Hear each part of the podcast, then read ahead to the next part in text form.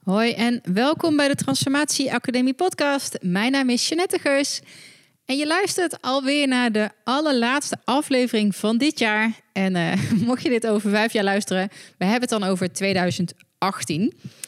Dit gesprek heb ik met uh, Patrick Kikken uit de radiowereld uh, vroeger wel bekend als DJ en dat doet hij nu nog steeds wel eens.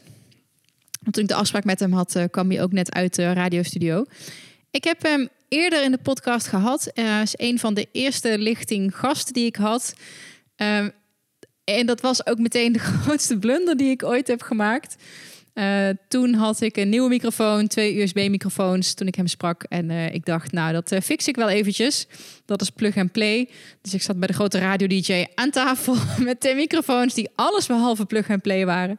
Dus ik moest allerlei YouTube tutorials gaan bekijken waar hij bij zat met het schaamrood op de kaken. Nou, dat is desalniettemin een heel erg tof gesprek geworden. Als je dat nog niet hebt geluisterd, dan kan ik je dat zeker aanraden. Het is een van de best beluisterde afleveringen ook. En um, Patrick had me uitgenodigd voor een gesprek in zijn Praten over Bewustzijn podcast. Dus dat hebben we, uh, toen ik hem dus weer sprak, ook meteen opgenomen. En uh, ja, voor deze aflevering mocht ik plaatsnemen in zijn man cave, in zijn, in zijn huis. Nou, man cave it was. Uh, bekijk ook zeker even de YouTube-versie als je wil van deze aflevering. Nou, ik heb het met Patrick, dat is zo lekker kletsen. We gaan alle kanten op. Het is best wel moeilijk om dat samen te vatten. Uiteraard hebben we het over allerlei hele fijne spirituele uh, en ego-dingetjes gehad. Maar ook over iets als muziek. Iets waar je als radio-dj toch wel van alles vanaf weet. En zoals ik dus zei, ja, dit is de laatste aflevering van dit jaar. En dus ook de laatste keer dat ik de podcast op deze manier instart. Um, volgend jaar gaat er namelijk een verschuiving plaatsvinden. Deze podcast werd al uh, geproduceerd door 12 Waves. Um, de samenwerking met 12 Waves ga ik nog. Oh. Ah, en zoals je hoorde, moest ik het inspreken van deze intro onderbreken omdat mijn telefoon ging. En ik dacht eerst, dan moet ik uitknippen. maar dat is zo typerend voor eigenlijk wat ik net aan het vertellen was, dat ik hem gewoon in ga laten. Ik wilde je namelijk zeggen dat de uh, samenwerking met 12 Waves geïntensiveerd wordt vanaf volgend jaar. En dat, ik was natuurlijk al partner in 12 Waves. En nu wordt dat um, ja, officieel, om het dan zo maar eventjes te noemen. En Michel heeft een soort van sixth sense uh, om altijd dan te kunnen bellen als ik aan het podcasten ben of uh, net met een, iemand aan het bellen ben. Of van alle momenten op de dag dat je kan bellen, weet hij altijd precies die momenten uh, te kiezen dat ik net met iemand anders in gesprek ben of iets aan het inspreken ben.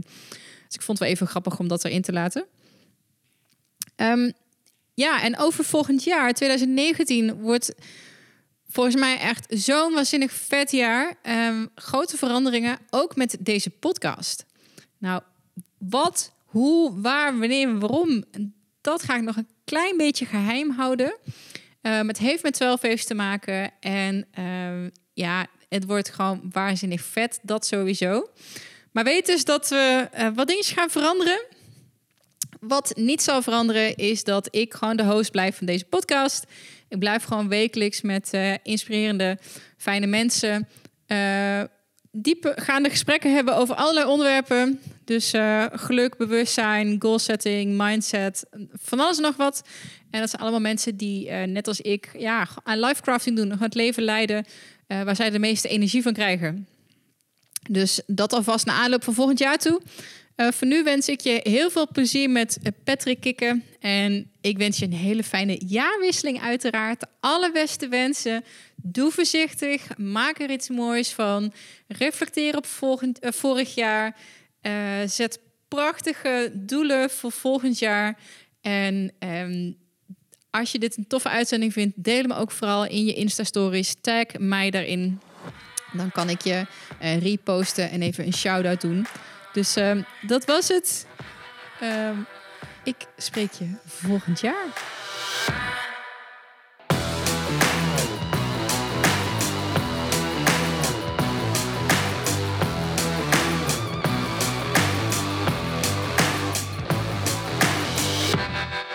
En deze podcast is een 12 Waves productie ben jij klaar om de next big step te maken?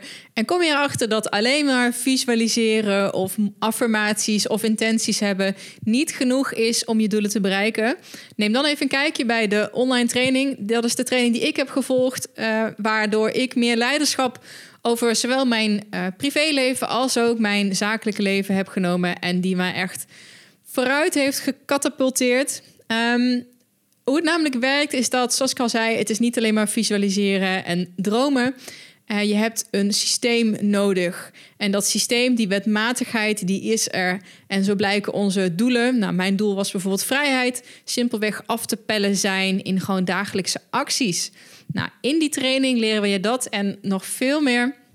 En helpen we jou om te groeien en om momentum te creëren.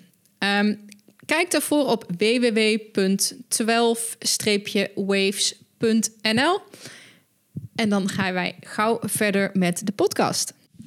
Volgens mij zijn we helemaal uh, gezetteld. Gezetteld. Geland. Met 37 apparaten die aan het opnemen zijn. ik heb volgens mij nog nooit zoveel apparatuur gelijktijdig aangehad. Ja, maar je komt bij de podcastkoning, dus die wil ook podcasten. Dus ik heb mijn opnameapparatuur loopt met mijn twee camera's. Jouw audio-opnameapparatuur. En camera. En camera. Een backup telefoon. En twee daspeelmicrofoontjes via de Zoom op de telefoon. Wauw, als er nog iets misgaat. Nee, ja, je moet better safe than sorry, hè? ja. Want hier gaan dingen gezegd worden die, ja, waar ze het over 100 jaar nog over hebben, Jeannette.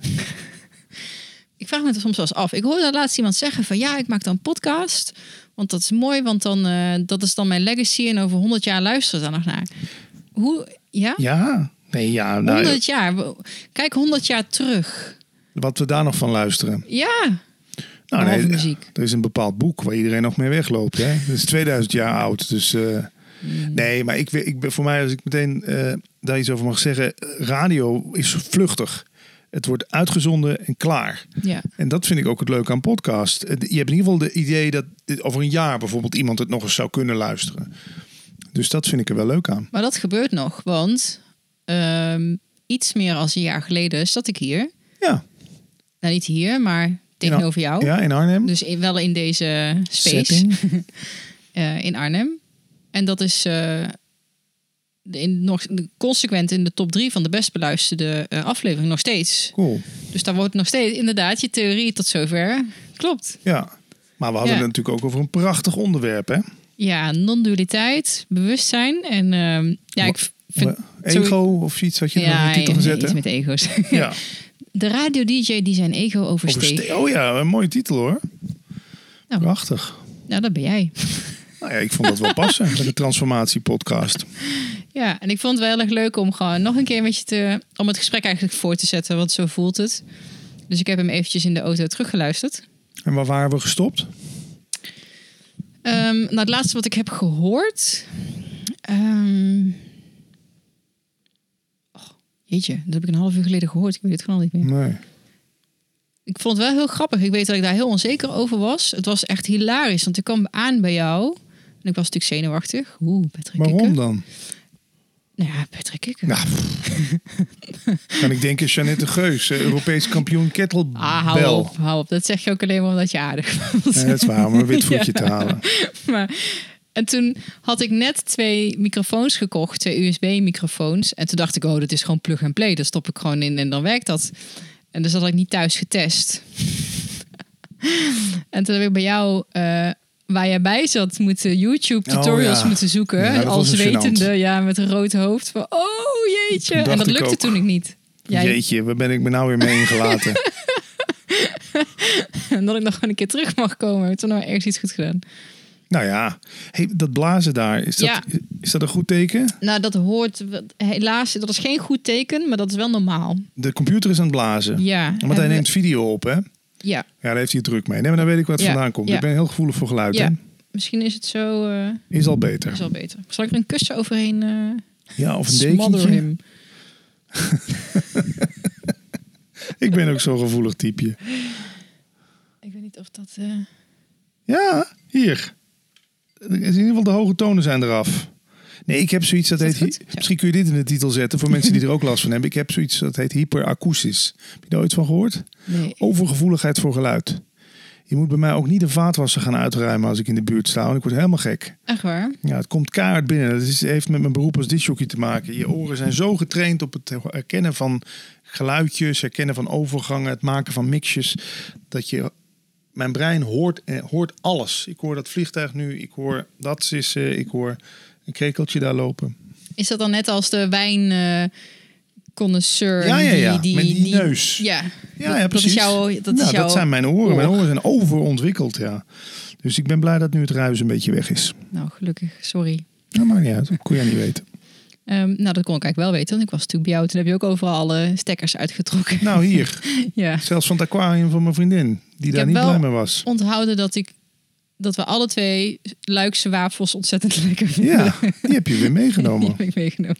Dat was ik die een witvoetje wilde halen. Ja, ja, ja. Nou, dankjewel. Was lekker. Um, oh, dat, dat, dat, het, wat ik wilde zeggen. We hadden het over allerlei hele, hele mooie onderwerpen. Ja, echt jouw stokpaardjes ook wel. Non-dualiteit en vrije wil en ego. En ik weet dat ik toen nog heel erg vastliep van... oh, maar hoe doe je dat dan als je omgeving dat lastig vindt? En ik luisterde terug. Aan de ene kant dacht ik, oh, ik stel nou nog best nog wel zinvolle vragen. Ja. En dat is zo raar. Besef ik me steeds vaker. Waarom kan het niet gewoon in het moment denken, oh, dit is gewoon, dat gaat gewoon goed. Dat je in het moment denkt, oh, het is, uh, kwam niet uit mijn woorden en uh, ik weet niet wat ik ervan moet vinden. En ik, ik, zag er lelijk uit op de camera. En dan kijk je een jaar later terug en denk je, je ziet er hartstikke goed uit. Het waren hartstikke slimme vragen. En dat keer op keer op keer op keer met foto's, met dingen die je vanzelf, ook dingen die ik geschreven heb. Niet dat ik nou zo geweldig ben, maar volgens mij hebben best wel veel mensen dat. En denk, wat is dat dan toch? Mijn ervaring is, op het moment dat je iets denkt, het was fantastisch, dan kijk je terug, valt het tegen. Op het moment dat je dacht van, dat is bij radioprogramma ook zo, je, luistert, je dacht dat het slecht was, je luistert terug, viel het reuze mee. Het lijkt wel alsof allebei waar is of zo. Ja, het is maar net met welke, welke oren of welke bril kijk je naar iets. Ja ja, ik heb dat ook met foto's van vroeger en met, met oude YouTube-filmpjes. Ik probeer er maar gewoon niet meer te veel van, van te vinden. Dat heb ik geleerd van Joannika Ring, een Advaita-lerares. Die zegt, je moet er gewoon niks van vinden, zei ze tegen mij altijd. Ik zeg, ja, maar ik vind mezelf te dik. Ja, maar je moet er gewoon niks van vinden. Weet ik dat er weer critici zijn die zeggen, ja, maar dan val je nooit af als je jezelf niet te dik vindt. Maar dat durf ik te betwijfelen. Nou, dan komen we. Uiteindelijk is dat goed dat je dat zegt. Oh. Ik had zowaar een echte serieuze vraag. Nou, niet een vraag van mij. Van een luisteraar? Maar uh, ja. Cool. Zullen we dat doen? Interactie. Ja.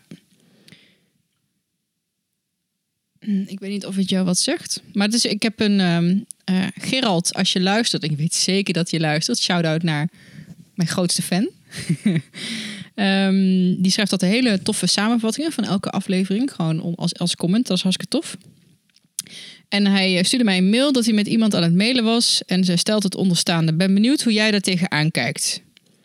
Dus die mevrouw, die mailt naar hem. Ja. Ik heb kritiek op de Human Potential Movement. Weet je wat het is? De zelfverbeteringstoestand? Denk, ik kende het niet, maar ik ga er even vanuit dat, dat het titel de lading dekt.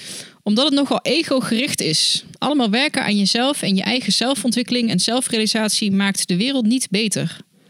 De focus in het denken ligt meestal op onszelf, is mijn mening. Deze regel heeft het al minder in zich. En dan komt er een quote. When I am being selfless, I am most myself. En dan komt er nog een quote. What we do for ourselves dies with us. What we do for others and the world remains and is immortal. Ja, mooi. Ja, dat is prachtig. En dan staat er verder, geïnspireerd door de filosoof Taylor en psycholoog Sven Brinkman. Zij beschrijven de bezwaren van de Human Potential Movement. Door steeds aan onszelf te werken, vergroot je het individualisme en is er een soort ego-cultus ontstaan.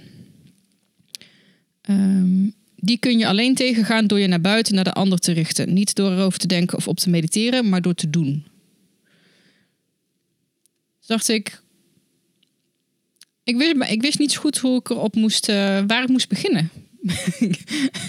Want wij zijn natuurlijk alle twee bezig met nadenken over ego, praten en ook zodat mensen kunnen meeluisteren. Verdient dat kritiek, vind jij? Ehm, ja, ik snap langs de ene kant wel. Het kan heel egoïstisch overkomen. Maar ja, als jij een goede versie van jezelf maakt, ben jij toch automatisch ook leuker voor je omgeving. Die omgeving profiteert altijd mee. want als jij lekker er in je vel zit, ben jij een leukere partner. Dan ben jij een leukere broer, een leuker kind, een leukere buurman. Dus ja, ik, nee, ik vind het niet meteen. Maar het kan wel zo overkomen. Hè? Vooral met dat visualiseren en zo. Dat je dan. Ja, ik, ik heb nog nooit, ben nog nooit iemand tegengekomen. Ja, ik visualiseer een wereld waarin nooit meer oorlog is. Als ik iemand tegenkom die visualiseert, is het toch vaak. ik visualiseer dat mijn bedrijf over anderhalf jaar. Uh, een vijf ton omzet heeft per jaar of zo. Weet ik. Dus dat kan wel egoïstisch overkomen. Ja, dat snap ik. Maar ja, ik ben het eens met wat jij zegt. Door zelf een beter mens te worden, veroorzaak je een soort van rimpel-effect. Jij hmm. zei het mooi in ons voorgesprek. Wat is geluk? Dat is wat je zelf meeneemt naar het feestje. Ja, ja. ja nee, dat is, dat is waar. Maar ja, het, het wordt natuurlijk wel... Die zelfhelpprogramma's worden allemaal een beetje verkocht.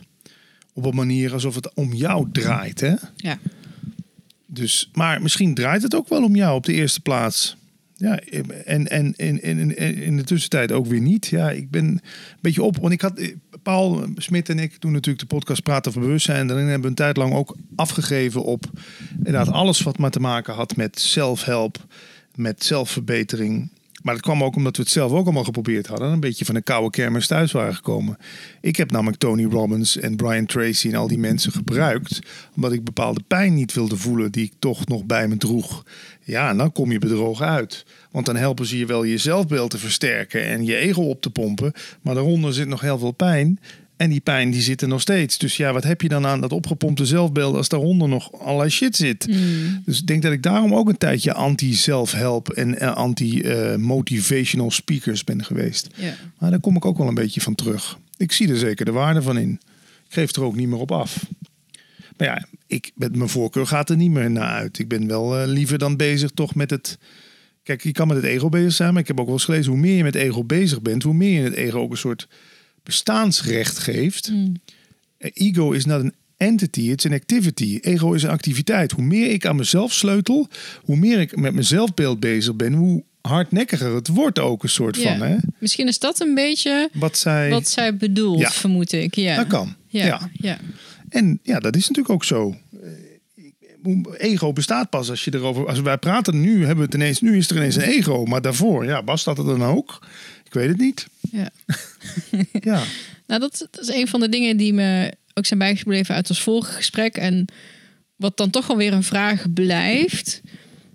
Um, die, dat heen en weer switch tussen wel en niet geïdentificeerd zijn. Dus in één keer beseffen. Of, um, nou, je hebt nooit door dat je erin zit. Je hebt, ik heb dan niet door dat ik in zit.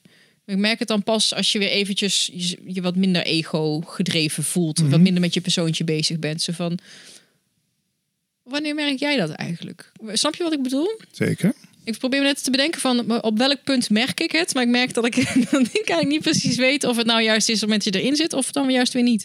Nou ja, je kan het onderscheid maken tussen wanneer ben je gespannen, wanneer ben je ontspannen ik durf toch te stellen dat je als je gespannen bent, zit je, ben je met jezelf bezig. Ben je met je ik en je ego bezig. Ben je ontspannen, ben je niet met je ego en je ik bezig. Zo simpel denk ik dat je het zou kunnen duiden. Hmm. Want als je ontspant, dan gaan de maskers af. Dan laat je je wapens vallen. Je kent al die uitdrukkingen wel. Hmm. weet je, je doet je ik-jasje uit, zoals Paul en ik het altijd zeggen. En ook veel Advaita-leraar. Non-dualiteit, Advaita is hetzelfde. Dus ja, als er spanning is, dan is er weerstand vaak tegen iets ook. Of het kan best zijn dat jij nu bij elkaar ontmoeten, dat het weer een gevoel opbracht van vorige keer.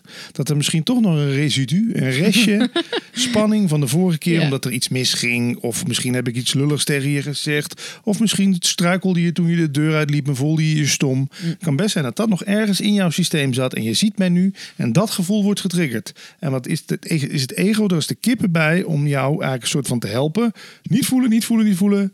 Niks aan de hand, niks aan de hand, niks aan de hand. Ja, maar je voelt het toch. En dan komt die spanning, die frictie van ja, maar ik voel iets, maar ik wil het eigenlijk niet voelen. En, en dan komt dat gevecht op gang. Ja, hoe ga jij daarmee om als dat gebeurt? Hoe, hoe, hoe laat, kunnen we dat loslaten? Ja, nou ja, allereerst zien dat het gebeurt. Oh, ik ben dus nu blijkbaar weer, weer aan het verzetten tegen iets. Ik wil blijkbaar iets niet voelen. En ook niet jezelf op de kop geven daarvoor. Hè? Want dan krijg je dan zo'n shit. Ik, had, ik, ik was net in bliss of ik was net ontspannen en nu ben ik weer gespannen. Verdorie, ik heb het nog niet gezien. Weet je, dat hoor je dan vaak van mensen die op zoek zijn naar verlichtingen. Hoor je dat zeggen. Nee, gewoon zien voor wat het is. Ja, je bent op dat moment in die ik-kramp. Nou ja, dan ben je in die ik-kramp. Ik, maar je wordt er wel, als je gewoon alert op blijven. Dat je ziet, hé, hey, wat gebeurt er nu? Ja. En wat doe je dan? Wat deed ik dan vaak in het verleden? Nou, ik was, ik, ik was gespannen, hup, eten. Andere mensen pakken sigaretten, roken. Andere mensen gaan gamen, want ik ben gespannen. Ja, seks, noem het allemaal maar op. Alles wat je kan doen om maar weer ontspannen te worden. Ja, nou ja, misschien is het toch een andere manier. Ja. Ik zat, terwijl je aan het praten was, bedacht ik me van ik probeerde zo te pinpointen van wanneer merk je het nou. Maar volgens mij is het in het moment dat je merkt, nu ontspan ik dat je, dat je hem voelt. Als je de shift maakt, mhm. dan, dan wordt hij even. Uh, komt hij naar de voorgrond. Zo van, oh, in die modus zat ik. Maar dat, dat merk je niet als je ofwel in de ontspannen modus bent, ofwel in de gespannen modus, in de shift. Ja. Denk, oh ja. ja. Maar hoe ben, je, hoe ben je nu nog gespannen? Nee. Nee, maar, maar als we ons vragen, hoe komt dat dat je nu niet gespannen bent? Ben jij nu met Jeannette bezig? Nee. Nee. nee. Je bent nu het gesprek. Wat ik me heel erg, wat me, wat, wat me uh, opviel toen ik terugluisterde, is dat ik daar dat mijn persoontje heel erg aan het praten was. Ik had het heel veel over ik en wat ik allemaal vond en wilde. Al je kennis aan delen. ja, tuurlijk. Nou, dat mag toch? Gaat alles nog. Uh... Ja, ik, ik vind dat je iets, je mag iets beter in beeld. Zo, oh. hup. Zo, beter. um, en dat, dat, is leuk. En ik denk ook dat de mensen daarom naar de podcast luisteren. Het is voor mij een grote spiegel en uh, oh, interessante mensen waar je, vragen aan kan stellen. En ik kan niet anders dan dat als ik jou een vraag stel en jij reageert erop, dat ik dan, oh, wat, wat, hoe mm verhoudt zich dat met tot wat ik van mezelf ken en weet? En dat, ja. Ik zeg dat dan ook meteen. En ik zei net uh, tegen jou beneden dat uh, recentelijk had ik met Vera Helleman een podcast opgenomen. Een prachtig gesprek met een prachtige vrouw. En ik was mm -hmm. terugluisteren. En dacht echt, oh, als je net hou je mond. Laat haar praten, want ze vertelt prachtige dingen. En ik was zo bezig met wat het bij mij allemaal losmaakte. Ik, kon dat, ik kon dat niet uh, heel moeilijk eh, even opzij zetten voor het gesprek. Want eigenlijk we willen gewoon een mooi gesprek. Ja. Ja. Ja, het heeft met aandacht te maken. Hè? Waar zit je met je aandacht? Zit je met je aandacht hier? Ik wijs nu naar mijn hoofd. Of zit je met je aandacht eigenlijk een beetje bij, bij de ander? Ja. Ik vind toch het fijnste tijdens dit soort gesprekken om de aandacht eigenlijk volledig daar te houden. En er gewoon op te vertrouwen dat als er iets verteld wil worden, dan komt het wel. Weet je wel? Heb je dat ook? Dat je achteraf gewoon niet meer weet wat je gevraagd of gezegd hebt? Ja, nee. Maar dat maakt dit ook zo fijn. Hier kan je er zes van op een dag doen. Volgens mij doe je er volgende week ook een keer... Uh, ja, zes in één week. In drie dagen. Ja. ja. Ik, je lost een soort van op tijdens dit soort gesprekken. Daarom vind ik het ook zo fijn om dit te doen. Ik had het uh, in mijn laatste gesprek was met Caroline van de Kamp. Nou, die kende ik helemaal niet. Half een beetje, zeg maar, van de zijlijn. En het ging zo de diepte in, dat gesprek dan daarna voelt het ook, het is bijna een beetje awkward. daarna, omdat, omdat je zo in bepaalde space ja, bent met z'n tweeën. Ja. Wat ik, ja, ik kan het natuurlijk niet met seks vergelijken of zo, maar dat is ook een bepaalde manier van helemaal loslaten. Intimiteit. Ja. ja. dat is denk ik het goede, ja, goede woord. Ja. En dan is het daarna ook echt zo, kijk je elkaar aan. Dus zo, oh. oh, ben jij er ook? Ja, ja. ja. en dan ga je, nou, maar even een hapje eten of zo. Ja, oké. even lunchen, even landen. Maar dat is, dat is wel heel gaaf. In het begin vond ik dat heel spannend, maar ik kan dat steeds meer dan een beetje loslaten. Maar ik snap wel waarom je dan zegt van ja, weet je, dat dan kan ik er zes van op een dag doen. Dat zoeken we volgens mij overal in, dat oplossen. In elkaar opgaan of zo. Ja. Of in een boek opgaan, of in een film opgaan, of serie, wat dan ook. De natuur opgaan. Wat is dat opgaan? Ja, wat gaat er dan waarin op? Ja. Is het uh, dat we daar eventjes onszelf vergeten? Ja, denk ik wel. Nou ja, inderdaad. Je aandacht is niet meer op jezelf gericht. En ja, dat is toch wel fijn. Want wanneer ontstaat er een probleem? Ik durf ook zo kaart te beweren dat er is pas een probleem als er een ik is. Ik maak ergens een probleem van. Volgens mij hebben we het een jaar geleden daar ook over gehad. Althans, ik heb het daar graag over. dat verhalen vertellen. Ja, dat vind ik zo fascinerend. Dat er eigenlijk geen probleem is zonder een ik. Ja, oké, het is hier nu, het had hier wat warmer kunnen zijn. Maar wij hebben het er niet over, dus, dus het is geen probleem. Het lijkt ook alsof het ik zich allerlei problemen toe-eigent, zelfs van anderen. Ik heb het voorbeeld eerder genoemd in een andere podcast. Mijn vriendin die is nogal een beetje uh, clumsy af en toe. Je had een telefoon, liet ze vallen, telefoon kapot. Ik zeg, nou, ik heb nog wel zo'n telefoon thuis liggen, krijg je die van mij. Twee weken later, boem, valt die telefoon ook. Tweedezelfde telefoon is kapot gevallen. Waarom vertel ik dit nu? Uh, nou ja, het is pas een probleem. Maar, uh, nee, het was zo. Ik ging er een probleem van maken dat haar telefoonstuk was. Dan denk je toch, wacht eens even. het is niet eens jouw telefoon. Het is toch eigenlijk haar. En zij maakte er geen probleem van. Ik ging namens haar een probleem van maken dat die telefoon gevallen was. Dan zie je hoe dat mechanisme zich alles. Dat zijn ook die wereldverbeteraars. Ik heb met mensen die dan voor Greenpeace aan zich aan zo'n boot vastketenen. Ja, ik heb daar zomaar bedenkingen bij. Ik, bedoel, ik kan me voorstellen, je strijdt voor een betere wereld. Maar ga eens echt na bij jezelf. Of je het nou echt doet voor een betere wereld. Of dat je doet omdat jouw ik dan weer wat te zeuren heeft.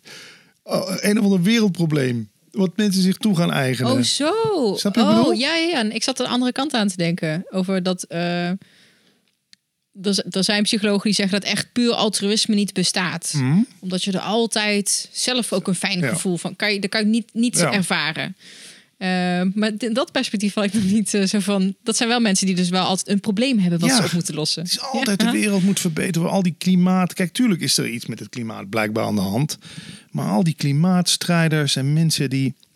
En dan is het ineens weer de hype gluten. Ik, moet, ik mag geen gluten meer. Wat denk jij wat er gebeurt als we er allemaal gewoon mee stoppen? Ja, dat, dat is de vraag. Hebben we daar een keuze in? Hè? Oké, ja, ik, ik, hou wel van gedachte-experimentjes. Ja, oké. Iedereen stopt met problemen van iets maken. Nou, dan wordt in ieder geval dan hebben we minder talkshows. Dan hebben we ook minder tv-kanalen. Dan, eh, zijn er, is, dan valt het kapitalisme waarschijnlijk om. Want eh, reclame drukt, probeert bij jou op een knop te drukken. Van ja, maar wacht eens mhm. even. Jij hebt bruine laarsjes. Maar die zijn niet meer in nu hoor, Jeannette. Mm. Jij moet zwarte laarsjes. Die gaan op die knop zitten duwen. Dus die proberen namens jou praten ze je een probleem aan. Dat jouw kleur laarsjes niet meer in de mode is. Weet ik veel. Dus ik denk dat er, ja, dan zou de wereld er heel anders uitzien. En minder commercie. Ja, hopelijk meer verbinding. Ja.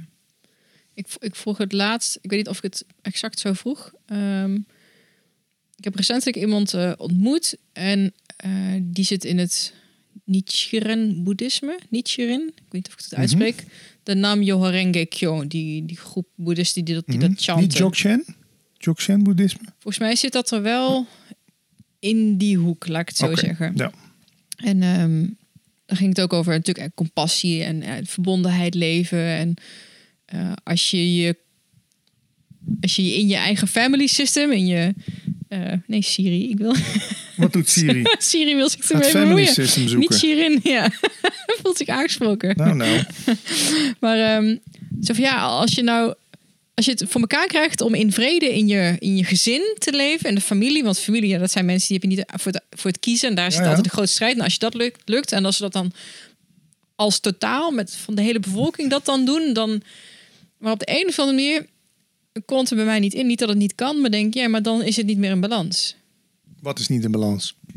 Alles. Alles. Want het is niet alleen maar wit of licht en oh, goed en mooi en rein en puur en, en lief en zacht. Klopt. Er zijn ook mensen die beweren dat de Dalai Lama, of was het nou de Dalai Lama? Nee, die andere knakker met, die, met dat kale hoofd. Hoe heet die alweer? Gandhi. Gandhi, die bedoel ik. Ze hebben allemaal gigantisch uh, zwart verleden. Nou, niet gigantisch zwart verleden, maar ze, ze hebben allemaal iets. Dat en omdat Gandhi zo op de ene kant van geweldloosheid drukte, veroorzaak je aan de andere kant oorlog. Er zijn mensen die dat beweren. Dat als je de ene kant heel erg gaat benadrukken, dan komt de andere kant als het ware gewoon helemaal opploppen. Ja. Dat is bij mij ook. Als ik tegen mezelf zeg, een ander voorbeeld, ik ga nooit meer naar de McDonald's. Dan komt er aan die kant een kracht los die zegt, dat zullen we nog wel eens zien. Mm. Dan wordt iedere gele, grote gele M wordt heel interessant. Terwijl als ik er gewoon niet mee bezig ben, nou, dan ga ik ooit eens naar de McDonald's. Ja, ik, ik ben ook niet zo voorstander van één kant van de medaille maar benadrukken. Dus daar moeten we ook niet voor pleiten voor een ikloze wereld of voor een... Uh, ja, van een ontwaakte wereld, bewustzijn. Want dan wordt het weer iets van. Dan gaan we dus de weer, maken we weer van de wereld een probleem. Ja, en dat, ik denk, ja, dat, dat hele yin-yang symbool. Ik heb er persoonlijk niet super veel mee, maar denk, goh, er zit toch wel misschien wel wat achter dat je beide. Het is er niet voor niks. Ja, dat is er niet voor niks. Hmm. Ja, dat uh, everything needs a balance. Alexander Smit zei het ook al. Dat is zo'n Advaita-leraar uit de jaren negentig. Er zijn nog heel veel opnames van die uh, man die beluisterd worden. Ja, balans. Ja. wat, uh, hoe uitziet dat voor jou? Wat doe jij? Want ik wilde het... Ik dacht eerst, oh, ik wil het nog een keer met je over non-dualiteit hebben. En hoe doe je dat dan in de praktijk? Maar daar heb ik het al zo vaak over gehad. Um, we hebben het stiekem eigenlijk al ja. 20 minuten. ik ja, maar, kom er niet aan, maar ik vind het ook gewoon veel te leuk. Nou ja, maar het is ook een verzamelterm eigenlijk non-dualiteit. Net zoals sommige mensen dingen mindfulness noemen. Dan denk je, ja, dat is ook mindfulness, maar het is net zo goed ook zen. Uiteindelijk is het maar een benaming voor allemaal hetzelfde. Ja, dat denk ik ook. Maar je wilde een vraag stellen, sorry. Nou, meer, um, wat doe jij om te ontspannen? Uh, wat doe ik om te ontspannen? Nou, dit soort gesprekken voeren. Ik ga graag in bad. Ik kijk heel veel documentaires. Ik zorg er eigenlijk voor dat dat ding hier, ik wijs nu naar mijn voorhoofd, dat, dat ik dat niet de kans geef om mij gespannen te maken. Kan je daar wat mee? Mhm. Door het gewoon te voeden met informatie, met gesprekken, met films, met... Ik leid hem als een zware soort af. Ik weet, ik heb ook zo'n creatieve spier in mijn hoofd die graag op dingen knabbelt. Ja. En als hij niet, dan zet ik gewoon een of andere Frans documentaire over Franse filosoof aan. Dan heeft hij iets om op te knabbelen. Want als ik dat ding met dus niks laat doen, zeg maar, dan gaat het zijn eigen verhalen verzinnen. Dan gaat het ineens denken, maar wacht eens even. Heb ik thuis het gas uitgedraaid? Als ik met mijn vriendin ben. En dan gaat, gaat nee, ik heb het niet uitgedraaid. Och, dan blaas ik de boel op. Ik moet naar Vinkenveen, want ik heb het gas niet dan begint hij hier. Nou, ik ben dat ding gewoon voor. Dus ik zorg gewoon dat mijn hoofd mij niet gespannen kan maken. En ja, ik zorg natuurlijk niet dat ik zeven dingen in twee uur tijd plan of zes podcasts in twee, twee drie dagen. ik hoop ook dat dat niet nog heel vaak gebeurt. sommige dingen kan je gewoon geen nee zeggen. Nee, ik weet het. Maar soms dan denk je, oh ja, die, die, oh, die wil ik zo graag spreken. Ja. ja. Nou. En ben je dan ook wel eens bezig met, oké, maar wanneer komt het dan? Ben ik met mijn hoofd bezig of wat sommige mensen met je, met meer vanuit je hart leven? Is dat iets waar jij wat mee kan? Als mhm. mensen het daarover hebben? Ja, ik heb het idee dat we eigenlijk alles vanzelf doen. Hè? Vanuit het hart. Alleen het hoofd bemoeit zich er vaak mee. Hè? Want in de, de Boeddha zei het ook. De handeling vindt plaats, maar er is niemand die hem doet. Dit is eigenlijk meer een soort, ja, we, noemen het in de podcast praten over bewustzijn, de Muppet opa's, de sportcommentator in je hoofd. Jij noemt het de innerlijke criticus. Saboteur, criticus, terrorist. Ja. Misschien gaat bijna alles onbewust en, en, en bemoeien we ons daarna er gewoon uh, uh, mee ik heb wel, kwaliteitsverschil ken ik wel, ja. Dat ik niet meer uh, daarna luister. Het, het dooft uit, als het ware. Hoe minder aandacht je geeft aan, aan alle gedachten die voorbij schieten. Het lijkt wel alsof het een soort van, net als sneeuw voor de zon, oplost. Mm. Zit jij nog zoveel in je hoofd dan? Nee, nee. Maar uh, nou ja, tuurlijk. Want ik, ik, ben, uh, ik vind het leuk wat je ook zegt. Ik leuk om over dingen na te denken. Dan ben ik een boek aan het lezen en dan gaat het alle kanten op. En dan wil ik het allemaal bijhouden en analyseren. Leuk. Um, misschien vraag ik het wel omdat ik de laatste ehm, tijd weer wat meer muziek luister. De hele tijd heel weinig gedaan. En dan meer dan vroeger nog in op kan gaan of zo. Ehm, ik heb gisteren A Star is Born gekeken. Op aanraden van iemand. Oh, moest aan jou denken. Ik denk, hm, hoezo dan? Even kijken. heb je die gezien? Is dat een musical? Nee, dat is, um, het is met Lady Gaga. Oh ja, is dat haar documentaire? Ik weet niet, want er is ook een documentaire over haar op Netflix, nee, maar die was het niet. nog iets. Ja, die. nee, ik, ik heb wel echt, het was een film. Oh, die heb ik nog niet eh, gezien. Moet ik die zien? Nou, ik weet niet. Ik vond het, uh, en toen had ik in één keer ook zoiets van, oh, dat hele intieme wat muziek kan hebben, dat iemand, wat een goede muzikant denk ik doet, ook in een live set, is je helemaal je ook op laten lossen of zo. En dat werd in die film uh, uitgebeeld of zo. Op een bepaalde manier de, band die zij had met haar, uh, met de, de man, ja, een zwaar alcoholistische uh, man die haar helpt om haar carrière groot te maken. Mhm. En zij zitten zo in elkaar versmolten en ook in die muziek versmolten dat het lijkt alsof het een hele andere taal is, een wereld is als, als de rest van de realiteit dacht ik, oh, maar dat doet de muzikant natuurlijk. Die creëert iets, een bepaalde space. Ja. Dat zijn uh, ja, ook iets heel intiems. Zoals als wij ja. een gesprek creëren, creëert die met muziek. Ja, ik weet niet openheid of zo, hè? Ja, was heel mooi. Ja, nou, dat is toch fijn. Dat, daarom gaan we ook graag naar concerten, theaters, eh, festivals. Om, om in de massa op te gaan eigenlijk. Om, om onderdeel te worden van iets groters dan onszelf, hè? Ja. het ligt allemaal zo voor de hand. Maar als artiest op het podium weet je dat ook wel. Als je nog eens een keer Guido Weijer spreekt of een andere cabaretier. dat moment dat, dat, het, dat het ijs, we noemen het dan, dat het ijs gebroken is, dan voel je gewoon, het is niet meer publiek en, en uh, cabaretier of publiek en muzikant. Het is gewoon het concert of de voorstelling geworden. Ja, en ik heb jarenlang ook plaatjes gedraaid in discotheken. Ik ken dat moment natuurlijk ook als geen ander. moment dat met een of ander nummer, bam, dan brak het. En dan was vanaf dat moment ook alles mogelijk. Dan draaide ik soms drie uur lang in één stuk. En dan voelt het net alsof uit het publiek een soort hand, onzichtbare hand komt, die jou de volgende, beetje de richting opstuurt waar het publiek heen wil of zo. Dat is heel magisch hoe dat werkt. alle grote discjockeys kennen dat, alle grote artiesten kennen dat, sporters kennen dat ook. Nou, ik weet niet hoe dat met jou is als jij je sport beoefent. Eh, dan ben ik wel eens benieuwd, kan ik je misschien straks vragen of nu. Maar die bal en jij. ja. Weet je al waar ik naartoe ga? Nee, nee? dat klinkt heel grappig. De bal en jij. Bal en jij nou, ja, Het is een kettleball, hè? Kettlebell. Kettlebell. Dat zei ik vorige keer ook fout. nou, die bel, nou, dit is een bal. De kettlebell en jij, die worden toch ook een soort van... Tenminste, als het goed gaat, wordt dat toch ook één beweging, één ding. Het is toch niet maar Jeannette en de kettlebell? Het is toch gewoon ja, het is, het is één geheel. Ja. ja, de oefening of de, hoe noemen jullie dat? De demonstratie. Denk je dat dat is wat, wat mensen bedoelen met um, jezelf uit de weg gaan? In de flow, in de zone. Uh, de, ja, je, gaat, je wordt gewoon één met dat ding. Ik bedoel, als Max Verstappen, die wordt één met zijn auto. Daardoor kan hij dat zo goed. Het is niet meer Max Verstappen die auto rijdt. En we komen nou weer toch op dit onderwerp. Waar hadden we het over?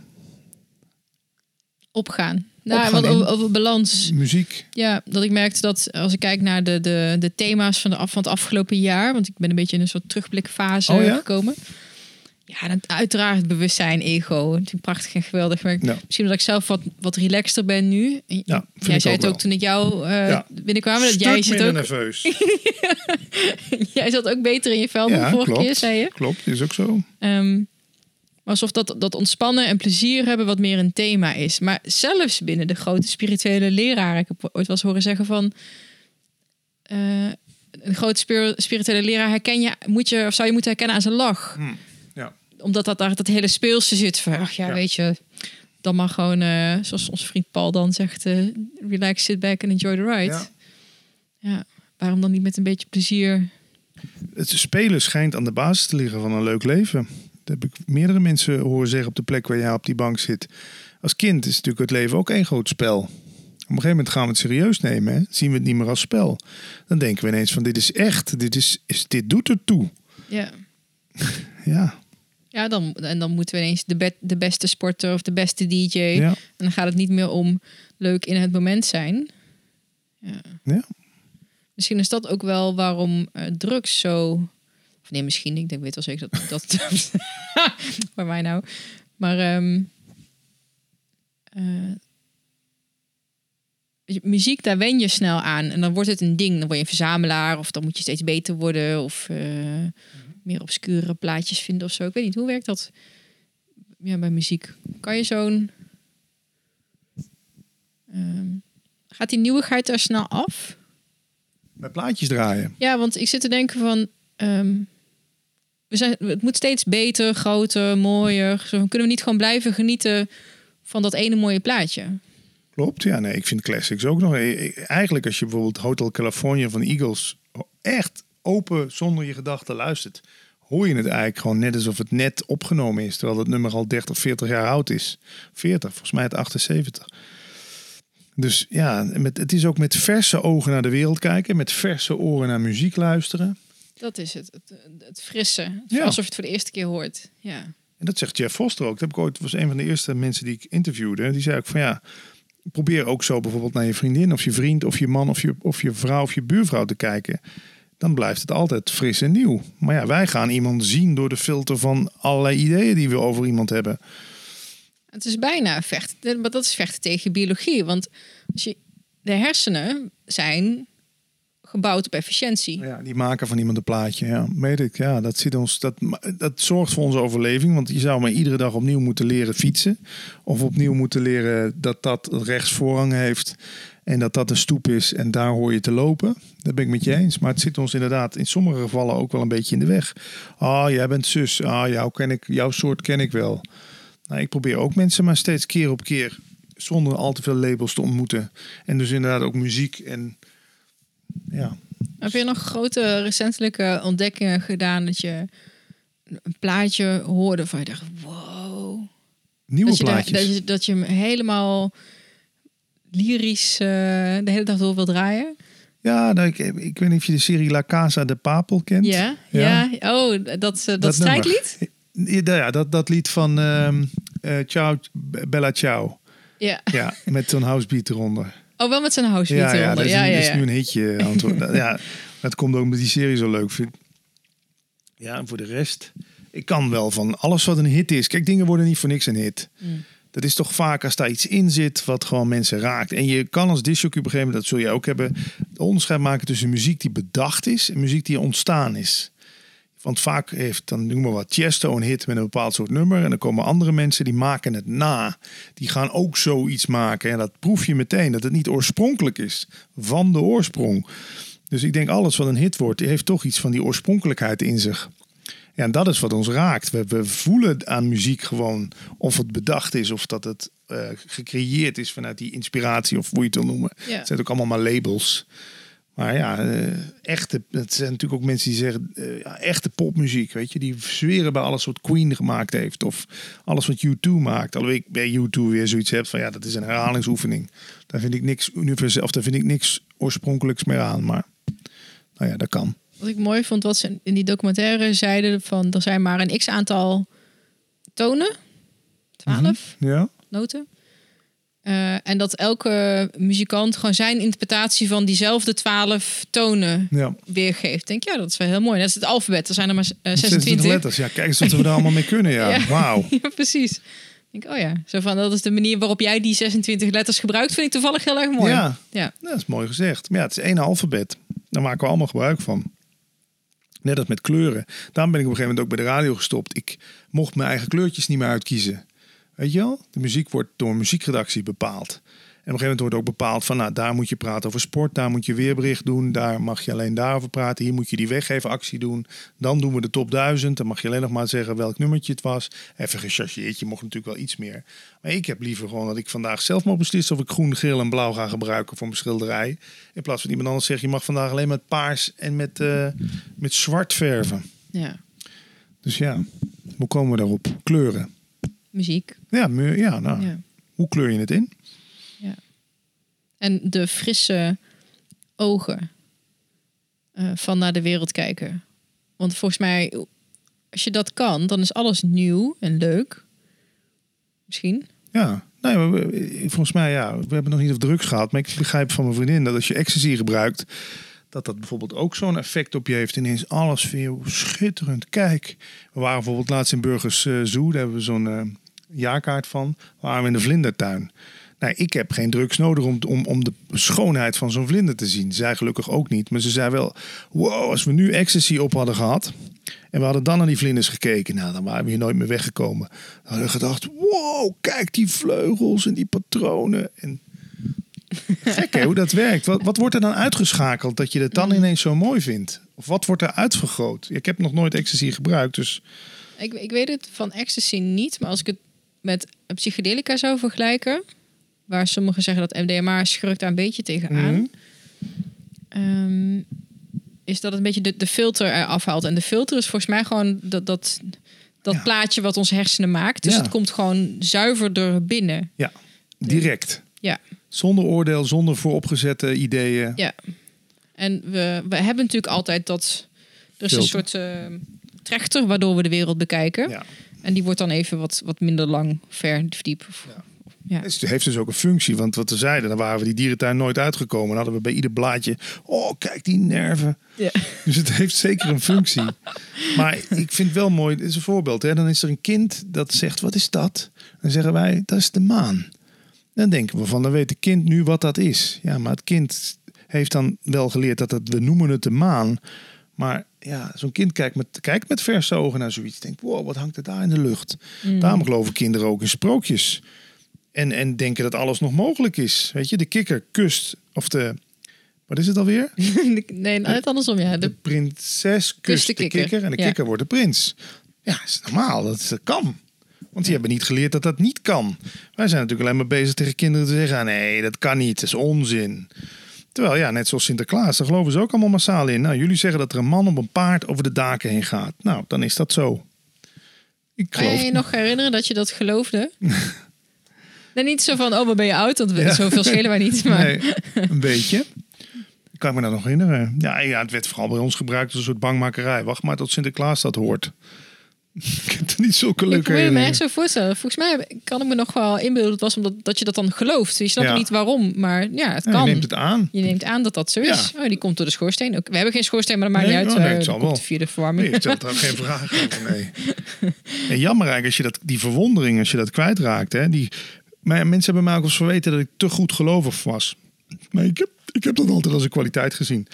Want daardoor kan ik ook gewoon met, bijvoorbeeld met non-dualiteit en zo bezighouden. Omdat mm. er wordt natuurlijk 180 graden andere dingen gezegd dan wat je aangeleerd is. Ik kan me daarvoor openstellen. Ik, ik heb hier mensen op de bank gehad die uh, beweren dat ze door aliens ontvoerd zijn.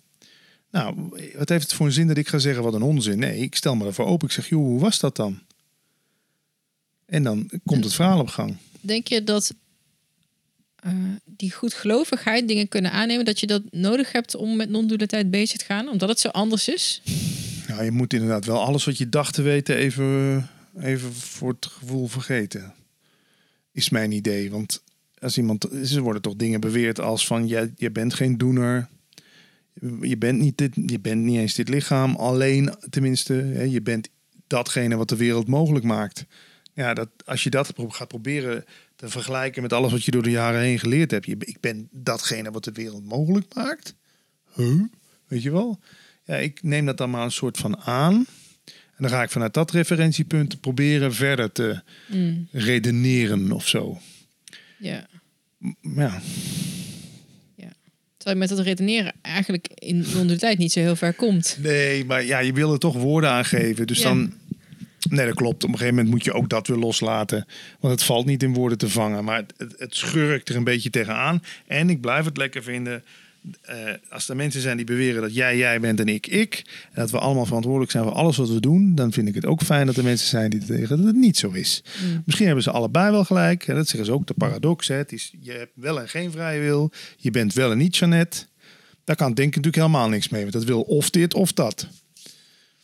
Ja, ik, ik hou er wel gewoon van. Een beetje filosoferen, een beetje erop knabbelen. Ik heb het wel eens uh, omschreven gehoord als uh, mentale masturbatie ja. het, geeft dat hoofd ja, iets te doen, hè, wat jij dan doet. En dan ook nog iets wat dan een soort van bevredigende uitkomsten kan, ja. uh, kan bewerkstelligen. En je onderscheidt je er ook mee mee, wat weer goed is voor de seksuele selectie natuurlijk. Dat heeft Paul ook vaak uitgelegd. Want niemand wil eigenlijk doorsnee zijn.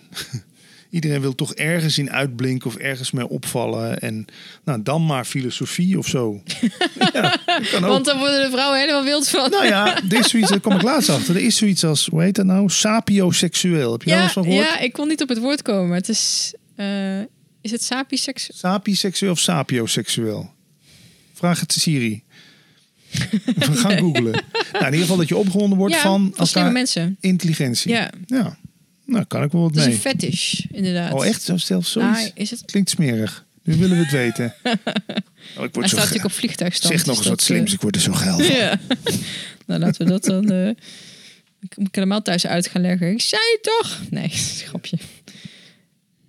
Oh nee, hij staat op vliegtuigstand. Nou, laten we dat niet doen. Maar, willen we weten?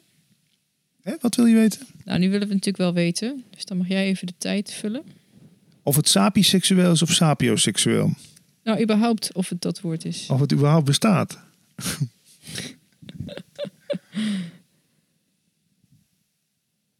Hoe google je daarop, hè? Ja, daar hebben vast andere mensen op gegoogeld. SAP, dat klopt sowieso. En dan een I. En dan komt het wel tevoorschijn, toch? Sapioseksuele. Ja, dan zat ik toch een, uh, met, ja. met, met, met, mijn Citroën Sapio zat ik toch goed. Citroën Sapio? Ja. Sap zijn mensen die op Citroën Saxio's vallen. Nee. Hm. Maar goed, die zijn er inderdaad. Ja. ja. ja. Hoe kwamen we erop? Seksuele selectie. Mm Oh, waarom het zo fijn is om over dingen uh, te filosoferen. Terwijl het eigenlijk iets is wat niet in woorden uit te leggen is. Dat we er dan toch liefst heel veel woorden voor gebruiken. Ja. Ja, nou ja, je probeert toch een gesprek gaande te houden. oh, is, zijn we zover? Nee, nee, nee, nee, maar dat is toch zo. Ja, je, kan non-dualiteit natuurlijk ook... Een boom demonstreert ook non-dualiteit. Ja, die heeft er geen woorden voor nodig. Die laat ook gewoon zien dat hij... Dat die, ja, ik noem het dan nu onderdeel van de eenheid. Maar dat klinkt ook weer als onzin. Maar een boom is dat ook. Een kat die ligt te spinnen is dat ook. Het kussen is dat ook. Want het, als het toch allemaal uit dezelfde sterrenstof gemaakt is, om het maar even zo te noemen, dan, ja, dan, dan demonstreert alles dat. Ik heb wel eens gehoord, schoonheid is zichtbaar geworden liefde. Nou, als wij allemaal, als wij die liefde zijn en we zien iets moois, dan is dat dus gewoon zichtbaar geworden liefde. Ja, ik kan daar wel wat mee. Een boom die jij mooi vindt is ook zichtbaar geworden liefde. Dus liefde zit hem echt niet alleen in, die, in, die, in, die, in dat die jonge baby of dat, die partner of wat dan ook. Ja, dat zou wat zijn. Volgens mij, ik heb laatst nog een keertje Dennis Leary teruggekeken. Daar zit volgens mij een heel stukje in over. Uh, het gaat natuurlijk tegen vegetariërs. Maar waarom we alleen maar schattige dieren niet willen eten, maar niet schattige dieren wel willen eten. Zo van, oh, alsof, alsof, alsof, het knal, als het fuzzy en leuk met grote ogen en oh, schattig en lief is, dan, dan is het goed, dan mag het blijven leven. Maar alles wat niet schattig en fuzzy en, en cute is, dan, uh, nee, dan, dan mogen we het gewoon opeten. Dan moet het dood. Ik snap het. Ja, nee, dat, maar ook insecten eten we dan weer niet graag. Dat ziet er dan weer uh, te smerig uit, hè? Alhoewel een koe, nou een koe ziet er nog wel enigszins leuk uit. Ja. Nee, maar dan juist dus niet. Oh, dan niet. Zo van lammetjes die zijn schattig, dus oh, ja. dat is zielig. En de hond is ook schattig, die is ah. En een, een otter doet niks, maar ziet er leuk uit. Nou, die eten we dan ook niet. maar wat ben jij? Je bent een koe. Nou ja, kom, dan slagbank jij. nee, we willen het ook vooral niet zien. Hè. Ik denk dat ze op iedere afbeelding van vlees de afbeelding van een dier zouden doen wat erin zit, nou, dan krijgen we er een hoop vegetariërs bij. Eet jij vlees? Ja, niet te veel, maar wel regelmatig, ja. Weer sowieso, want het ging een paar keer over voeding, gezondheid. Is dat iets waar je mee bezighoudt? Of denkt van, ik nou slik veel supplementen. Sinds ik iemand geïnterviewd heb die zegt dat bijvoorbeeld, hij zegt, ik kan iemand van depressie genezen in twee, drie weken door zijn voedingspatroon aan te passen. Een stressoloog heet die man. Misschien nog wel leuk voor jou, podcast. Ja, Jurgen Spelbos heet de man. Ja, ik geloof wel in de kracht van voeding. Ik merk ook als ik een paar dagen niet zo goed gegeten heb, dan word ik ook gewoon een beetje down en, zwaar op de hand. En uh, ja, voeding, ja, dat doet heel veel. Dus ik ben er wel wat meer op het letten. Maar, maar te zeggen dat ik heel gezond eet. Bij mij wint toch vaak de makkelijkheid het van de. Van, ja, je moet toch om een gezond potje te koken, dan ben je wel even bezig, hè? Ja, als je tenminste in mijn geval twee linkerhanden hebt. Dus dan wordt het toch vaak, nou, maaltijdsalade, dat vind ik dan al gezond. Maar ik weet dat, dat de Fit Food Girl, die vond dat allemaal niet zo. Ik heb toen een hele stallage nog gebouwd, hè, toen ik jou geïnterviewd heb. Ik had in dat gesprek met Caroline nog over dat ergens is het ook wel lekker dat nu even de focus weggaat van, oh, Jeanette, het uh, Love Fit Food. Ik, ah, laat me maar lekker bezighouden met uh, een beetje wat meer filosoferen en bewustzijn en, en business en lifestyle. Ja. Microdosing. microdosing of, of macrodosing. Ja. Maakt niet uit. Maar je wordt er zo op aangekeken als je het dan eventjes niet doet. Jij ook. Ik heb nu denk ik twee of drie zeg maar, verwijzingen daarna gemaakt. En ik merkte dat toen heel erg. Zo van, oh, weet je, alsof je dan echt aangekeken wordt op het moment dat je dan een, een luikse wafel zit eten. Van, oh, eet jij een luikse wafel? Is toch met spirituele mensen, rook jij nog? Oh, Alsof het daar iets mee te maken heeft. Kijk, dan moet we misschien nog eens even neerzetten. Verlichting of spiritualiteit of ontwaken, wil je noemen, heeft wat mij betreft niks te maken met je gedrag. Een, een seriemoordenaar kan verlicht zijn in die gevangenis. Die kan het gezien hebben. Ga ik hem toch nog een keertje vragen. Wat is verlichting? Verlichting is wat mij betreft totaal geen verzet meer op wat is.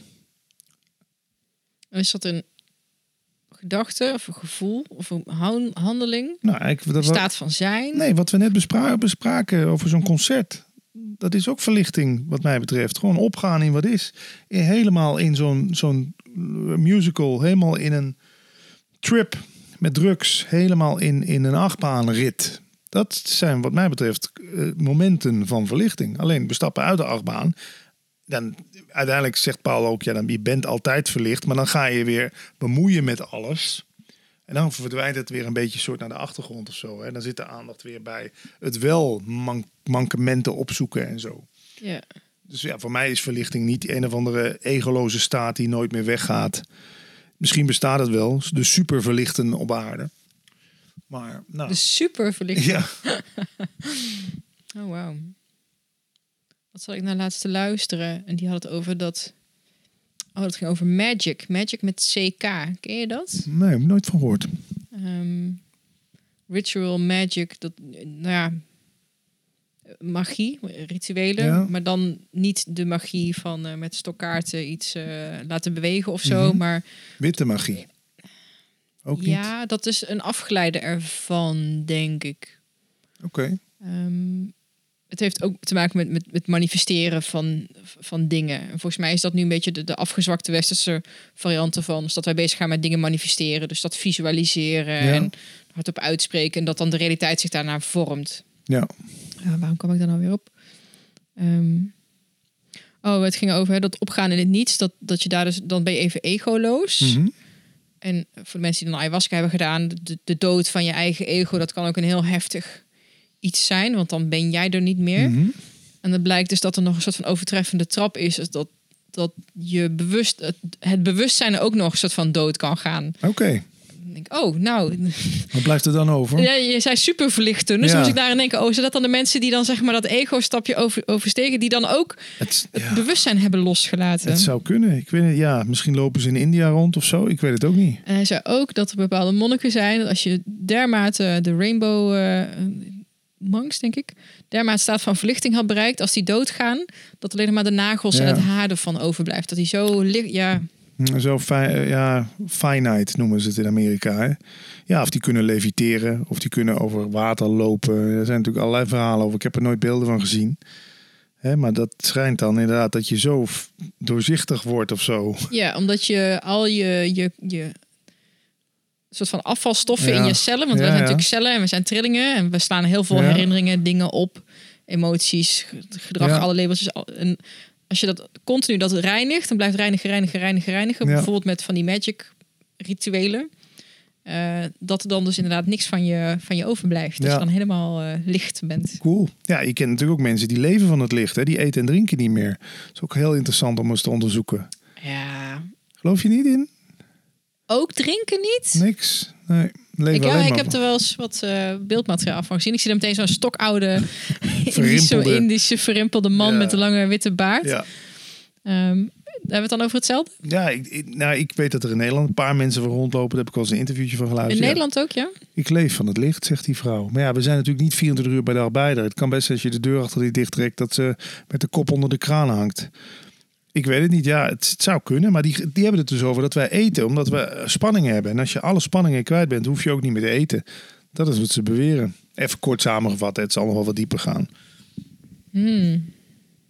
Ik weet het niet. Misschien sta ik daar nog niet, Nee, daar sta Oh, je is nog niet helemaal achter. niet open genoeg voor. Dat Nee. zou kunnen. Oh. Ja, Jeannette. Zou wel mooi zijn. Leven van het licht scheelt wel een hoop tijd met eh, boodschappen doen. En die man eten zei ook, dat wat zouden we dan voor een wereld krijgen als we geen... eh, hè, want we, zijn ons nu al druk aan het maken over alle voedseltekorten de komende jaren. Als het alleen maar drukker wordt hier, wat dan als inderdaad eten, niet, als eten een optie zou zijn, maar dat het niet meer per se hoeft. Kijk, we, we doen, het wordt ons ook allemaal maar aangeleerd. Dat een baby moet gevoed worden. Ik zeg ook niet dat het niet zo is, maar ik, ja, we zouden het toch eens kunnen onderzoeken. Ja, en dan liever niet met een baby, want dat zou dan mis kunnen gaan. Maar ik, ik vind het jammer dat dit altijd meteen in, de- in de man bij het hondachtige sfeer geduwd wordt. Hè? Mm. Of we hebben weer een gekkie gevonden die zegt dat ze leeft van het licht. Terwijl, Ja, ik bedoel, als ik dat verhaal van die, die, die Rainbow Monks, zeg maar.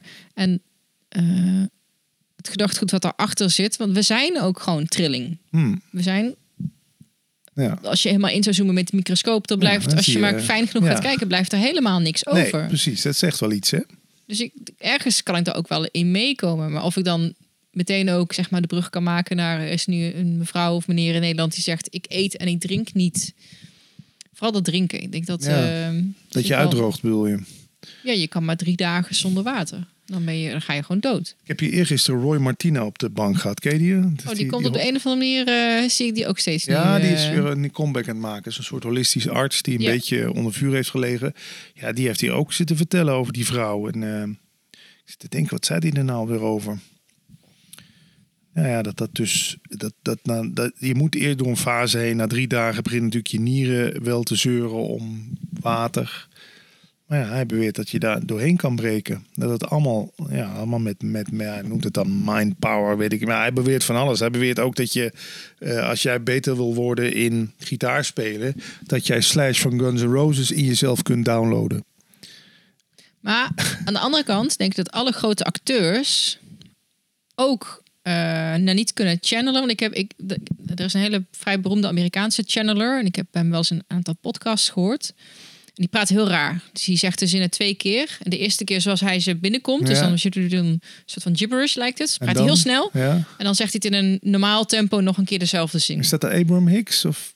Nee, ehm, Paul Selleck. Oké. Het ging over channelen. En ja, weet je, de eerste keer hoor je denk ik, ja, waar gaat het? Ik weet dat ik helemaal in hypnose bijna raakte. Ik, het was heel raar om naar te luisteren. Hm. Maar feitelijk doen, doen acteurs doen niet anders dan zichzelf. Want wat hij vertelde van, ik zet mezelf opzij voor datgene wat er dan wat er, ah, door me heen wil door komen. Me heen wil komen. En natuurlijk kunnen we daar denken, ja, dat is allemaal bullshit. Maar wat doet een acteur eigenlijk niks anders dan zichzelf opzij zetten. Dat en, ja. en het beroemde boek Een cursus in wonderen, daar ben ik de laatste tijd wel fan van. Dat schijnt ook gechanneld te zijn in de jaren zeventig door Jezus aan die vrouw die echt niks, die was psycholoog, die wilde helemaal niks met het spirituele. Maar die dacht, nou, dat, dit klinkt wel alsof het misschien even opgeschreven moet worden. Die heeft zo'n dik boek uh, genoteerd, als het ware, in steno. Ja. ja.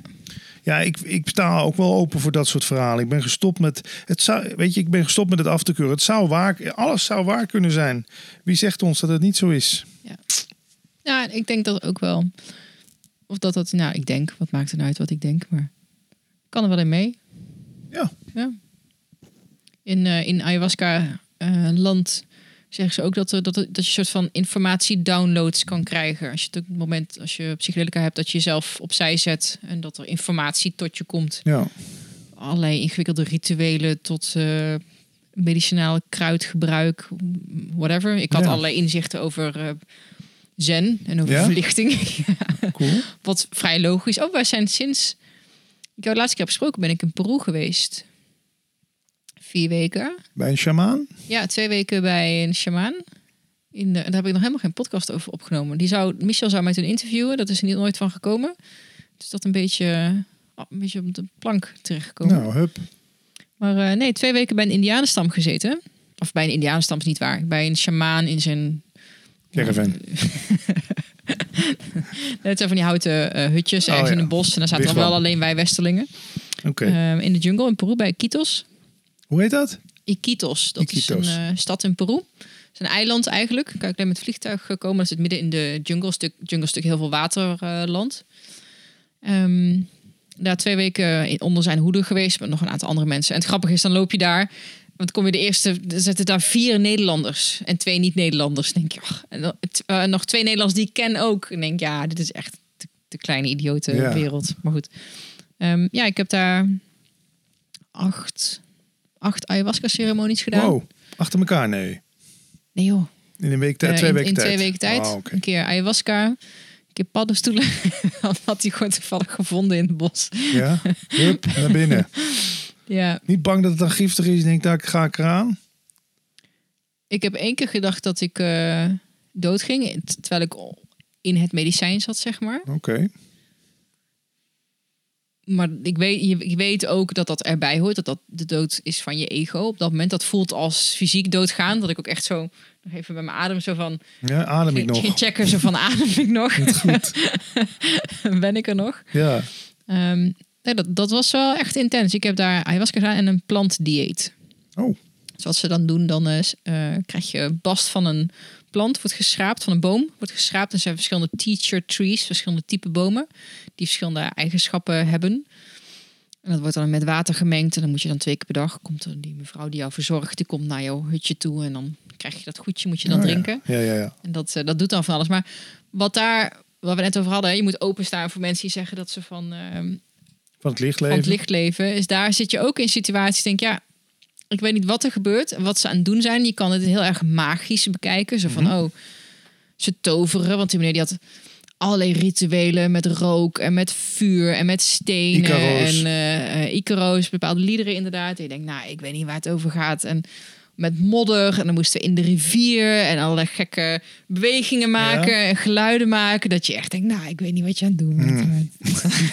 Volgens mij ben ik een toeristenval. Ben je de boel fop hier? um, ja, soms dan, in het begin dacht ik dat wel. Zo, wat zijn we dan helemaal aan het doen? Tot je dan op een gegeven moment in dat medicijn zit. En ik denk echt wel dat er verschillende soort van frequenties zijn waarop je naar de wereld kan kijken. En een keer zat ik in hun frequentie. Denk, oh, maar dit is wat zij zien. Maar ze hebben gewoon niet de taal die wij hebben. Of ik spreek hun taal niet, want ze hebben wel taal natuurlijk. Om dat te kunnen communiceren. Dus het, het, ziet er allemaal uit als, ik weet niet wat ze aan het doen zijn. Maar je hoort ook de, de uh, verklaring daarvan niet. Ja. Ehm, maar daar zijn, daar zijn wel echt hele gave dingen gebeurd. Ja, ook hele... Daar zijn ook hele heftige dingen gebeurd waarvan ik dacht, dit vind ik echt niet leuk. Oké. Ik wil wel eentje vertellen. Delen. Leuk. Ja, ik heb een waterclens gedaan. En um, in hun filosofie moet je, als je dus aan jezelf gaat werken, en jezelf gaat helen, heb je eerst een stukje. Uh, nou, je ziet het als een, als een junglewoud waar je een boom of een, een, huis wil gaan bouwen. Dan moet je eerst bomen kappen, de grond vlak maken en dan pas kan je daar een huis opbouwen. En zo zien ze het ook als jij jezelf wil genezen. Je moet eerst die bomen kappen, de grond rijp maken en dan kan je een huis wegzetten. Dus er zijn drie fasen in genezing of in heling. Dat is eerst de shit opruimen, vruchtbaar maken en dan kan je een huis erop zetten. Een onderdeel van dat eerste proces van die bomen uh, omkappen was een, een cleanse. Nou, in, in dit geval was het een watercleanse. Ik vond het heel eng. Ik kwam met een grote kan. In mijn beleving een 10 liter kan, maar dat zal 2 of 3 liter zijn geweest. En die moest ik zo snel mogelijk opdrinken. Dat hadden ze van tevoren al gezegd, zodat je zou gaan kotsen. Dus daar keek ik al niet echt naar uit dat ik dat zou gaan doen. Voordat die kan met water kwam, hadden ze... Ze hebben daar mapacho, dat is een tabak uit de jungle. Een soort van onge... Daar kauwen ze op, ehm, toch? Ja, kauwen en roken. Okay. Maar vooral roken. Maar het is van die niet gezuiverde tabak of zo. Heilige tabak. Nou, dus dan maakte hij zo'n sigaret open en ik kreeg die tabak in mijn hand. Hier, je moet je op kouwen. En het, spuug, het speeksel wat je aanmaakt, moet je doorslikken. Maar het tabak zelf uh, niet. Uitspugen. Nou, dat lukte me niet. Ik zat daar, ik had zoveel weerstand. Ik zat daar en ik, oh, en dik in mijn mond, want dan heb overal check. ja, bah, dus zie je super tanden. smerig. Meteen weer zo mijn tong licht geschraapt uit mijn mond gedaan. Ja. En dan krijg je dus die drie liter water te drinken, die je zo snel mogelijk moet drinken. En dan zat een meisje naast mij en die moest een hele grote sigaar zo snel mogelijk oproken, dat je helemaal uh, high was. En dat omaatje, die zat naast mij, zo van drinken, drinken. Maar je voelt een soort van group pressure, want iedereen zit daar in die ceremonieruimte. Nou, ik zit te huilen, echt van dit gaat. En daarna ook het gevoel van dit is over mijn grens gegaan. Ik heb iets gedaan waar ik niet achter sta. En uiteindelijk heb ik dus die drie liter water gedronken tot ik moest gaan kotsen. En wat doe je jezelf aan? En dan kots je de eerste keer en dan zit ze naast je en dan kijkt ze zo naar wat je hebt gekotst. Nee, nee, more. Oh. Want net zo lang tot dat tabak er ook, dan ook oh, weer uitkomt. Oh, dan had ik natuurlijk al lang uit mijn mond gehad. Dus dat, dat, was super heftig. Ik weet niet of ik hier naar uitkijk om dat ook te gaan doen. Ik, ik weet hier... Nou, eh, terugkijkend, ja, dat was een hele intense twee weken. En dit klinkt even heel uh, spectaculair, want er zijn, maar er zijn, er is prachtige dingen gebeurd. En ik heb fantastisch mooie dingen gezien. Hmm. Ik ben natuurlijk bezig met bewustzijn. Ik was op dat moment Ellen Watts aan het lezen. Nou, weet je, dus ik was mijn geest al aan het voeden. Ja. En in mijn reizen, het ging alleen maar over zen en over boeddhisme. En ik denk, wow, dus dit is verlichting. Maar het was helemaal niet, wow, het was gewoon, oh ja, ja. oké, dit is Logisch. het. ja. Nee, dat zeggen ze de meeste grote meesters ook. Het is zo dichtbij dat je er overheen kijkt en wat doe je daarna? Een kopje thee drinken. Dat nou, zeggen al die... Uh... Ja, ja. Drink, drink tea. Ja. First enlightenment, then tea. Ja. Heb jij dat ook gedaan met die kikker? Nee, maar dat uh, Cambo heet dat volgens mij. Dat uh, ga ik binnenkort nog wel een keertje doen. Dat kan hier in Vinkenveen. Hier zit Maria Joanna, die misschien ook nog wel eens leuk is voor je podcast. Ja, ik nee? vind haar commerciële insteek ja. kan ik iets minder, uh, maar dat is persoonlijk. Is ayahuasca nou verboden sinds februari van dit jaar? Volgens mij wel. Dus het mag ook, je mag er niet meer voor adverteren of zo. Nee. Behalve dan een beetje op Instagram, linksom, rechtsom. Ja. En het plant medicine noemen of ja. uh, wat Holy anders. Spirit drink. Ja. Maar toch was dat wel echt, echt heel gaaf in Peru. Ja? Ook, Aan te raden? Ik had natuurlijk al drie weekenden in Nederland gedaan, de twee jaar daarvoor. Um, En het is gewoon heel bijzonder om het dan daar in een jungle echt met zo'n. Ik ben alleen maar bij um, uh, shamanen geweest. Dus niet bij een Nederlander die een playlistje opzet. Niet dat dat slechter is of zo, maar dat voelde voor mij beter. Dan echt daadwerkelijk in de jungle te zitten. Met al die jungle geluiden op de achtergrond. Ah, en dan ja, ze van ja, hier komt het. Dit is het geboorteland, zeg maar. Deze Ja. context. Dat, dat werkt wel echt door. Noemen ze het daar ook wel ayahuasca? Of is het daar Ja. daimi? Of nee, gewoon... ja, daar waar ik ben geweest was het Ja. gewoon ayahuasca. Want trekt, trekt dit jou? Nee, nee, nee, nee. Daar ben ik allemaal veel te scheiterig voor. Nee. nee, maar dan zeggen ze, ja, de plant roept je. Of je hoort wel wanneer de plant je roept. Dan denk ik, nou, ik hoor wel wanneer de Burger King me roept. nee. Weet je trouwens dat... eh, ik ben nu Osho aan het lezen. En hij zegt, ik zeg steeds eh, een paar dingen hetzelfde. Zo van het enige wat je hoeft te zijn... Wat je hoeft te doen is gewoon gewaar zijn. Ja? En dat helpt ook met dat, dat eten, dat vluchtgedrag, zeg maar. Als ik me gewoon gewaar ben van het moment en mijn lijf, denk ik, ik heb helemaal geen honger. Hm, Er is iets anders emotioneels aan de hand Ja, waardoor ja. ik wil eten. dat wil je verdoven. Ja, het enige wat je hoeft te doen is gewoon in je lichaam zakken en gewaar zijn. Ja. ja, het is ook geconditioneerd hè, dat we denken, oh, het is al zeven uur, we hebben nog niet avond gegeten. Hè, dat, dat gekke gedoe. Of altijd iets lekkers met de koffie of twaalf uur eh, lunchen. Ja, het zou wel mooi zijn als we dat nog eens een keer konden uitpoetsen allemaal. Hè?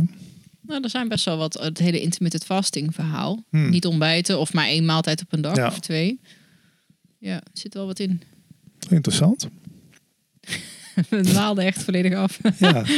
Conclusie. Vervel ik je, want je zit... eh, Nee, ja, zit ik een beetje. Nee, maar ik zit niet meer zo lekker hier op mijn kutkrukje. ah, dat is... En misschien willen we ook nog wat voor praten over bewustzijn. Ja. De podcast opnemen. Hoe laat is het eigenlijk? Want jij moet nog anderhalf uur terug in die in, in dit oude barrel van je. Ja, maar nu ben ik hier helemaal gekomen. Dan gaan we er ook het beste van Ja, maken. we ook. maken er ook. Ben ik niet gemotiveerd? Tuurlijk wel. Ja, tuurlijk wel. Nee, ik zit je... Ik zit Sorry. gewoon niet meer zo lekker hier. Jij zit lekker op de bank. Zullen we zo meteen van plek Ja, wisselen? dat lijkt me goed. Ja, dat is Eh. goed. Daar hoopte ik al op. En misschien nog even wat te drinken. Ik heb nog, ja. Je hebt nog. Wat wil je nog weten?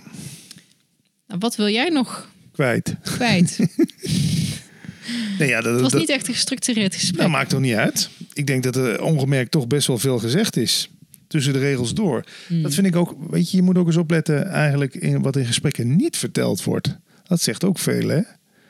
We, denken ook altijd dat het om kennisvergaar gaat, maar we hebben een ontspannen gesprek gehad. Ik luister, ik weet niet hoe dat met jouw podcast is, maar ik luister sommige van mijn interviews voor Leven zonder Stress, luister ik wel tien dagen achter elkaar iedere avond voor het slapen gaan terug. Echt waar? Voor het gevoel wat het me geeft. Weet je, sommige mensen hebben, zo, die hebben zo'n rust in hun stem. Of die hebben zo'n mooie manier van praten. Een hele zingende manier. En daar kan ik dan helemaal van ontspannen. Weet Ja, je wel? En dan luister ja. ik zo'n gesprek gewoon die- soms. En dan val ik dan mee in slaap. En dan dacht ik, nou start ik hem weer. En dus vergis je niet, de sfeer van podcast, de intimiteit van podcast is belangrijk. Ja. Het gaat echt niet alleen om de informatie. Die, eh, die, de flow is belangrijk. Nou Soms ja. ook wel mensen die zeggen, bijvoorbeeld dat, dat gesprek van Vera Hellemans, van oh, normaal luister ik lekker gewoon als ik met dingen bezig ben, maar deze moest ik echt, Even mijn oren spitsen. moest ik ook stoppen met wat ik aan het doen was, omdat ik het even echt wil, in me wilde opnemen. Ja. Dat ik het anders dan denk, oh, ik mis belangrijke informatie. Ja. Nee, maar volgens mij zeggen we ongemerkt toch best dingen. Ja, en ik kan je natuurlijk, ja, je, vraagt maar raak. Ik ben natuurlijk ook een soort ehm, jukebox waar je een kwartje in gooit. Maar ik merk, merk dat ook steeds meer de behoefte om uit mezelf te praten, die is er niet meer zo. Ik bedoel, als die trekkracht een beetje komt zo op een onderwerp. Net zoals jij nu ook niet ineens over drugs gaat praten of polyamorie of wat dan ook. Je, op het moment dat er interesse getoond wordt, dan vertel je. Maar ik heb die verliefdheidsfase, die heb ik wel lang gehad van non-dualiteit. Je kon het wel van de daken schreeuwen, wat je dan zogenaamd ontdekt had. Oh, kom hier, dit moet je weten. Daar ben ik wel een beetje vanaf. Weet je, ik praat er graag over, maar ik praat ook net zo lief over, eh, weet ik het, eh, Max Verstappen. Heb je soms ook wel eens dat, ehm, eh, dat je bijna denkt van, oh, waarom, waarom heb ik het er nog over? Want het doet er allemaal niet toe. En dat bedoel ik op een hele positieve manier en niet op een, oh, het maakt niet uit. Maar omdat het bijna een beetje zo filosoferen om het filosoferen. Het verandert toch niks aan. Nou, eh, ja, ik heb het toch veel aan gehad hoor. Ik heb wel eens een interview voor, hoe heet dat, blad, Paravisie. Die hebben als, eh, had een fotootje de voorkant gezet. En er stond, Advaita heeft mijn leven gered. Dus in andere woorden, non-dualiteit heeft mijn leven gered. Ik denk echt wel dat ik niet zo makkelijk bijvoorbeeld van de radiowereld afscheid had kunnen nemen. Tenminste de landelijke radiowereld dan. Als ik niet dat non-dualiteit ontdekt had. Dan had ik er misschien zelfs nog gewerkt. Dus dat heeft, vergis je niet, dat, heeft echt wel, dat zorgt wel ongemerkt voor grote veranderingen hoor. En misschien bij jou ook. Als je er eenmaal van. Nou, weet ik zeker. Hoor. Ja, ja, tuurlijk. Als je er eenmaal van geproefd hebt, ze noemen het ook, je raakt er een soort van mee besmet. Het wordt een soort iets wat onder je huid gaat zitten. Het wordt een soort virus. En het zet dingen in gang. En dingen die je liever niet had gehad. Dingen die, die heel welkom zijn. Dus nee, ik had het niet willen missen. Eh, de ontmoeting met Paul tien jaar geleden is nu al bijna. Uh, dus dat, uh, nee, ik ben blij dat ik dat heb leren kennen. Want dat ego van mij had natuurlijk ook enorme proporties. En uh, ik wist ook eigenlijk, was vergeten hoe het was om daar niet mee bezig te zijn. Oh, het eerste gaapje, is dat erg? ik ben blij dat je het in je eigen antwoord doet. niet als ik oh, aan het praten ben. Praten ben. Nee, jij bent heel inspirerend. Ik word soms moe van mezelf. Ken je dat? Het is ook lekker om gewoon lekker moe van jezelf te worden. Kijk, wat zit je nou weer allemaal te brabbelen? Nee. Ja, nee. Het is best interessant. Maar dat is het leuke daakje. En dan hangen we bijvoorbeeld op. Oh nee, dat werkt met het telefoongesprek zo. Hè. We drukken op stop. En dan denken we, mooi, ja, het ging wel een beetje alle kanten op. En uh, dan gaan we ineens er van alles van vinden. Hè, daar heb je hem weer. We moeten er gewoon niks van vinden. Dit is wat verteld heeft willen worden. Ja. Het had niet beter kunnen gaan. Ja, als we gewoon in een cafeetje hadden gezeten zonder microfoons, dan denk ik, oh, dat was gewoon een hartstikke leuk gesprek. Maar nu denk ik, oh, dan zegt mijn, mijn ego zegt dan, maar mensen moeten hier wel iets van waarde uithalen. Dit moet wel interessant zijn om naar te luisteren. Je moet wel iets vernieuwends en iets leuks vertellen. Nou, we hebben ongemerkt, nogmaals, best wel, en je hebt verteld over je ervaring waar Michel blijkbaar niet naar wil luisteren. Heb je dat mooi nu kunnen vertellen? nee. Kijk, ik, ik weet niet. Um, ja, de ene keer is het heel inhoudelijk en de andere keer is het, is het uh, wat ontspannender. Dat heb ik met mijn podcast ook. Maar ik denk een gesprek van mens tot mens, waarbij de een niet iets anders probeert te verkopen aan de ander, of waarbij de een niet probeert de ander te overtuigen van zijn of haar waarheid, hmm. dat is al vaak fijn om naar te luisteren. En dan moet ik zeggen dat het laatste gesprek van uh, Eindbaas, ik zat te luisteren met uh, Halim.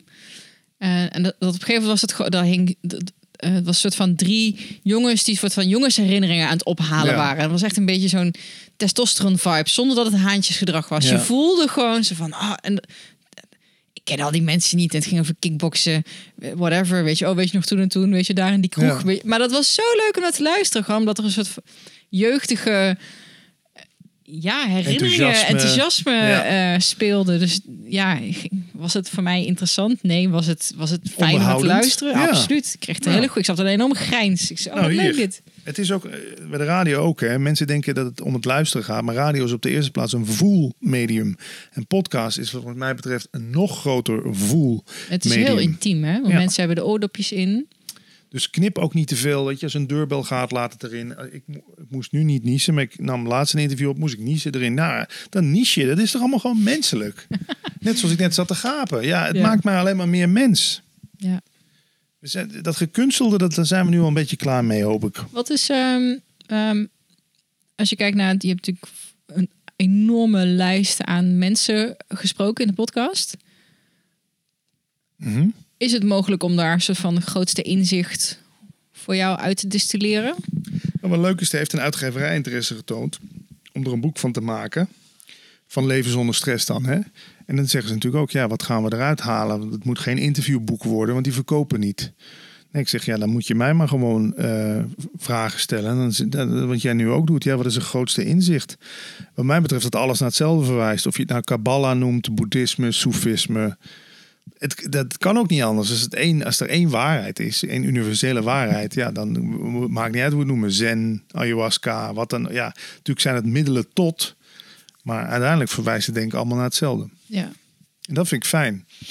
Ja. Ja. En nogmaals, dat die ik, dat dat, die twee letters IK, dat daar de crux zit. Dat jezelf aanzien voor iemand, dat daar en daar ben ik dan nog wel eens bang voor. Ehm, dat je ook, je kan ook doorslaan in het denken van ja, maar zo simpel kan het toch niet zijn. Er moet nog iets bijzonders zijn, waar we, waar we net over hadden. Super verlicht. Mm. Weet je, maar misschien is het wel zo simpel dat het gewoon gaat om het doorzien van je ik. Ja, is het heel subtiel. Super ja. intiem, super klein, super voor de hand liggend. En dat, we, dat ze daarom zeggen van al dat gezoek, terwijl je juist dan moet stoppen met zoeken. Ja. de zoekbeweging houdt je dan eh, weg van het idee dat je er al zou zijn. Ja. Wat zeggen ze toch altijd? Je gaat op zoek naar antwoorden. Je krijgt geen antwoorden, maar de vragen lossen op. Vind ik ook altijd mooi gezegd. Oh ja. ja. Ja. Ik ben natuurlijk ook al 300 mensen aan het vragen van hoe zit het met de vrije wil en ben ik besta ik nou wel of niet en is deze wereld echt en dan ja, op een gegeven moment, misschien moet het ook wel dat je de dood en doodmoe wordt van steeds diezelfde vragen stellen. Dat je dan gewoon. ja, misschien is het dat een beetje wat ik bedoel. Dus dat je denkt van, ah, oh, weet je, het maakt allemaal niet uit om erover na te denken. Want het verandert toch niks aan deze realiteit en wat er nu is. Ja. Nou, behalve dat je dit er dus aan hebt. Gaat Siri weer aan? Ja, Siri die... Uh... Die bemoeit zich met alles, hè? Ja, behalve dan dat je nu wel weet dat, dat, dat, dat het zoeken naar antwoorden, dat dat, dat dat dus eigenlijk ook geen zin heeft. En dan kan je dat in ieder geval zeggen. Ik hoorde laatst nog iets en dat vond ik wel heel moeilijk om te snappen. Ik vroeg aan die, die ik heb het straks over dat, uh, heel kort over dat naam Nyorengekyo, dat uh, die, die meneer die dat chantte, dat boeddhisme. Ik vroeg hem, je hoort wel eens dat mensen zeggen van ja, maar we zijn een illusie. Dit is een droom waar we mhm, in zitten. Zo van, is dit realiteit of is dit droom? Heb je daar wel eens wat uh, over gehoord, wat die boeddhisten zeggen? Dat we dus inderdaad, dat dit zou een droom is of zou kunnen zijn. Mm een bepaalde. Net als dat je, je gaat slapen en je wordt wakker. Oh, het ging ook over. Sorry. Ik, uh, ik praat sneller dan dat ik uh, denk, eventjes. nou, het ging over wat gebeurt er als we doodgaan. En dat is hetzelfde. Hij zegt, nou, alsof je wakker wordt na een goede nacht slapen. Alleen als je wakker wordt s ochtends, dan weet je nog dat je hebt geslapen. Dat jij mhm. in dat bed hebt gelegen de hele nacht. En als je, en als je weer wakker wordt na de dood, dan is het gewoon... Uh, dat ben jij ook nog steeds. Alleen weet je niet dat je daarvoor hebt geleefd. Dus dat je. Oh, zo. Dat, dat ja. Dat zou wel mooi zijn. Dat er alle herinneringen ineens vervaagd zijn. Ja. Dan is alles mooi opgeruimd. Geloof jij in, in, in want ik daar hebben het heel kort in het voorgesprek heel kort even aangestipt. En toen zei ik van, ik weet er niet ook daarin sta. Dat hele verhaal alsof je meerdere levens hebt. Dat durf ik niet te zeggen. Het zou kunnen. Ik weet, wat ik wel mooi vind hierover is dat mensen, andere mensen, ook boeddhisten, maar ook, ook uh, Advaita-leraren beweren dat je iedere nacht eigenlijk al sterft. Hè? Ja. en dat eigenlijk als je vannacht in de diepe droomloze slaap bent, dan ben je wakker. Nu zijn we aan het dromen. Ja, maar dat, dat, is, dat is heel raar om daarover na nou, te denken. Nou ja, klinkt ook wel weer logisch. Vanavond gaan, vannacht gaan we terug naar huis, zullen we maar zeggen. Hè? Nu zijn we aan het buiten spelen. Vannacht zijn we weer veilig thuis. Er zijn ook leraren die zeggen, je bent altijd veilig thuis. Wij zitten hier niet in de kijkdoos. We zitten alleen in de kijkdoos te kijken. Snap je? Dus dat dit een soort kijkdoos is hier. Die, die wereld van die vijf zintuigen of zes zintuigen, wat je wil. Maar dat wij altijd thuis zijn. Om wat te zeggen, op de plek daar die niet te benoemen is. En dat wij met een soort 4D-bril. En net als virtual reality gewoon hier de hele tijd rond zitten te kijken. Maar we zijn al thuis. We zijn nooit weg geweest. Jan van Delden. Ja, ik, ik, ik kan er niks doen, maar dan ga ik meteen into de Matrix. Ja, maar die Matrix is een hele spirituele film natuurlijk. Daar zit heel, als je, ik ken mensen die kijken hem tien keer en die halen er iedere keer weer iets nieuws hiervan uit. Want dat downloaden van die informatie, dat zit ook in de Matrix. Ja. Hij leert ineens gewoon hoe hij moet vechten. Ja. Ja, dat beweren ook een aantal leraren. Weet je dat ik dat ooit wel eens heb gedaan, met ik met een boek onder mijn, onder mijn kussen, ben gaan slapen. slapen en? Weet je wakker sprak je Spaans? Nee, nee ging toch net niet helemaal zo. dat zat er waarschijnlijk in een of andere film of zo, of een boek wat ik aan het lezen was. Dat je dat dan kan opnemen. Ja, ja, ja. Ik sta er wel voor open. Er zijn toch ook experimenten met dieren. Leren apen in het oosten van de wereld leren dat ze eerst een, een appel, nee, een aardappel moeten schoonmaken voordat ze hem eten, dat dat lekkerder is. En op hetzelfde moment gaan aan de andere kant van de wereld gaan ook apen datzelfde doen. Die hebben dat niet van elkaar via WhatsApp gehoord. dus dat zegt toch ook dat er eigenlijk één intelligentie is die alle levende wezens bestuurt. En ineens kunnen apen aardappels wassen. Volgens mij, ik heb dat boek van Frans de Waal wel gelezen, ook waarin hij dat beschrijft. Was dat een bewijs dat, dat dieren ook cultuur kunnen hebben? Oké. Dat, dat dat, dat een, een handeling is die is overgedragen van generatie uh, apen maar mhm. helemaal uit de context, maar wel altijd is meegenomen inderdaad. Ik weet niet of dat nou op twee verschillende plekken is ontstaan. Of dat het een soort van overdracht was. Dat apen dat zijn blijven doen. Nou, nu noemen ze dat geloof ik morfogenetische velden. Waarbij er dus een soort lijntje is tussen alle levende wezens. Die op een bepaalde manier dezelfde manier gaan vliegen, dezelfde manier gaan eten. Ja, dus er ook dat uh, het vliegen op twee verschillende plekken, of de telefoon, allemaal van die grote ontdekkingen die dan simultaan op, twee of drie plekken in de wereld ja, uh, zijn uitgevonden. was er de telefoon op twee plekken in de wereld. Ja. Of, of, of elektromagnetische golven werden ontdekt. Ja, dat, dan kom je toch weer met de persoon die het dan claimt bedacht te hebben. Maar misschien krijgt het wel allemaal cadeau. Hè? Beroemde voorbeeld van Beethoven, die wilde niet meer onder zijn symfonieën zetten. Beethoven, die zette van God gekregen. Ja. Is altijd bijgebleven. Die, die begon het wel door te krijgen. Alle grote artiesten hebben dat door. Volgens mij een jaar geleden ook verteld. Ik val een herhaling. niet? Volgens mij hebben dat niet verteld. Oké. Maar... Wil je gaan afronden? Ik, ja, laten ja, we ik krijg last van mijn nek. Ja, dan gaan we van plek wisselen. Dan kan ik eindelijk, oh, lekker op de bank. En dan ga ik wat drinken pakken nog. Dat is goed. Concluderend. De wereld is een gekkenhuis en dit hier is het hoofdkantoor. ja. En de deur gaat op slot. Ja. ja. Nou. Nee. Leuk om te zeggen dat we nog een gesprek gaan opnemen met jou voor praten over bewustzijn. De podcast. Want ik heb jou al eens geïnterviewd voor Leven zonder Stress. Daar sta jij bij. Over meer... Toen ging het echt nog over eten. Ja, en ja dat vond ik eh, interessant. De psychologie van het eten. Ja. Nou ja, was ook heel erg leuk. Zo heet hij ook. De podcast. Nee, maar ik vind wel, ik heb jou gehoord met Paul. En die, die, vond ik, uh, die vond ik echt een moeite waard. Ik denk, nou, dan is het wel eens leuk. Want ik kan waar ik Paul adviseren om nog eens met jou een aflevering voor praten over bewustzijn op te nemen. Maar ja, nu ben je toch hier. Dan doe ik wel alsof ik Paul ben. Sorry, Paul. was ook een leuk gesprek met Paul Smit. Staat ook bij uh, de Transformatie Podcast. Ja. ja, was ik echt tof. Was, vond ik ook spannend, maar was ook heel relaxed. Ja, die zijn net gewoon mensen. Het, het, zijn net gewoon mensen. Maar zodra je uh, gewoon niet meer naar het plaatje kijken. Ik ben net zo'n simpele boerlul als iedereen. En uh, ik weet wel dat het is natuurlijk soms wel leuk. Want ik vond het ook leuk toen ik bij Eindbazen was. Dat ze tegen Paolo gezegd als we het Patrick toch eens zouden kunnen krijgen. Maar ja, weet je, dan is de volgende. Dan heb je Patrick gehad, dan gaat het weer een stapje hoger. Je gelooft dat nu, hij wil koning Willem-Alexander of zo spreken. Ja, als je daar de lat legt. Ik snap wel dat, dat met de lat steeds verleggen, dat je dan jezelf ook uitdaagt. En bij de radio doen we dat ook. Als we een prijsvraag gingen verzinnen, dan was het allereerst, we gaan een reis naar de maan weggeven. Oh ja, te gek. Ja, we weten dat dat niet kan. Maar het werd daarna een reis om de wereld. Waar we begonnen met we gaan een reis naar New York weggeven, werd het waarschijnlijk een reis naar Center Parks. Snap je? Je moet de lat ook. Dat vind ik wel een mooie tactiek. Leg hem lekker hoog. Maar ja, op een gegeven moment is het wel. Dan krijg je hem niet meer hoger, denk ik ook. Hè? En je moet ook gewoon, ik vind dit net zo'n waardevol gesprek als, alsof ik met Eckhart Tolle Misschien dat je dan ook. Uh, goed, zij zijn natuurlijk op zoek naar experts en eindbazen. En Ehm, in een bepaald vakgebied. Ja. Ja, dat snap ik wel. Ja. Maar er zit wijsheid op vreemde plekken hoor. Ik heb hier een autist op de bank gehad. Hoe heet hij nou weer? Marcel. Nou, Marcel Stegens heb ik geïnterviewd. Die heb ik bij hem thuis geïnterviewd. De autistische jongen. Vertelde ook hele mooie dingen. En uh, Michael Jacobs, Michael Jacobs moet ik zeggen. Autistische man, kan ook heel fijn vertellen. Dus, en die is dan door de maatschappij afgeschreven. Hè? Zit ook wijsheid op verborgen plekken. Dat zou ik ook nog eens willen Dat vond ik een beetje eng aan het... Sorry, dan toch even een uitstapje. Het boek waar ik nu van Osho aan het lezen ben... heeft, geeft over de, de, hoe madmen, dus de, de, de, de gekken... wisdom. Nou, hoe die, die kijken op een bepaalde manier uit hun ogen. Niet helemaal, eh, die zijn er niet helemaal. En wij doen dan wel van, oh, die zijn gek. Maar dat dat eigenlijk de blik is die, die wordt gezien als eh, het meest verheven, zeg maar. Um, dat triggert bij mij echt wel een angst. Van, oh jee, um, straks weet ik niet meer wat de realiteit is. En dan word ik zo'n schizofrene dorpsgek die uh, al uh, bellend zonder telefoon in zichzelf loopt te praten. Mm.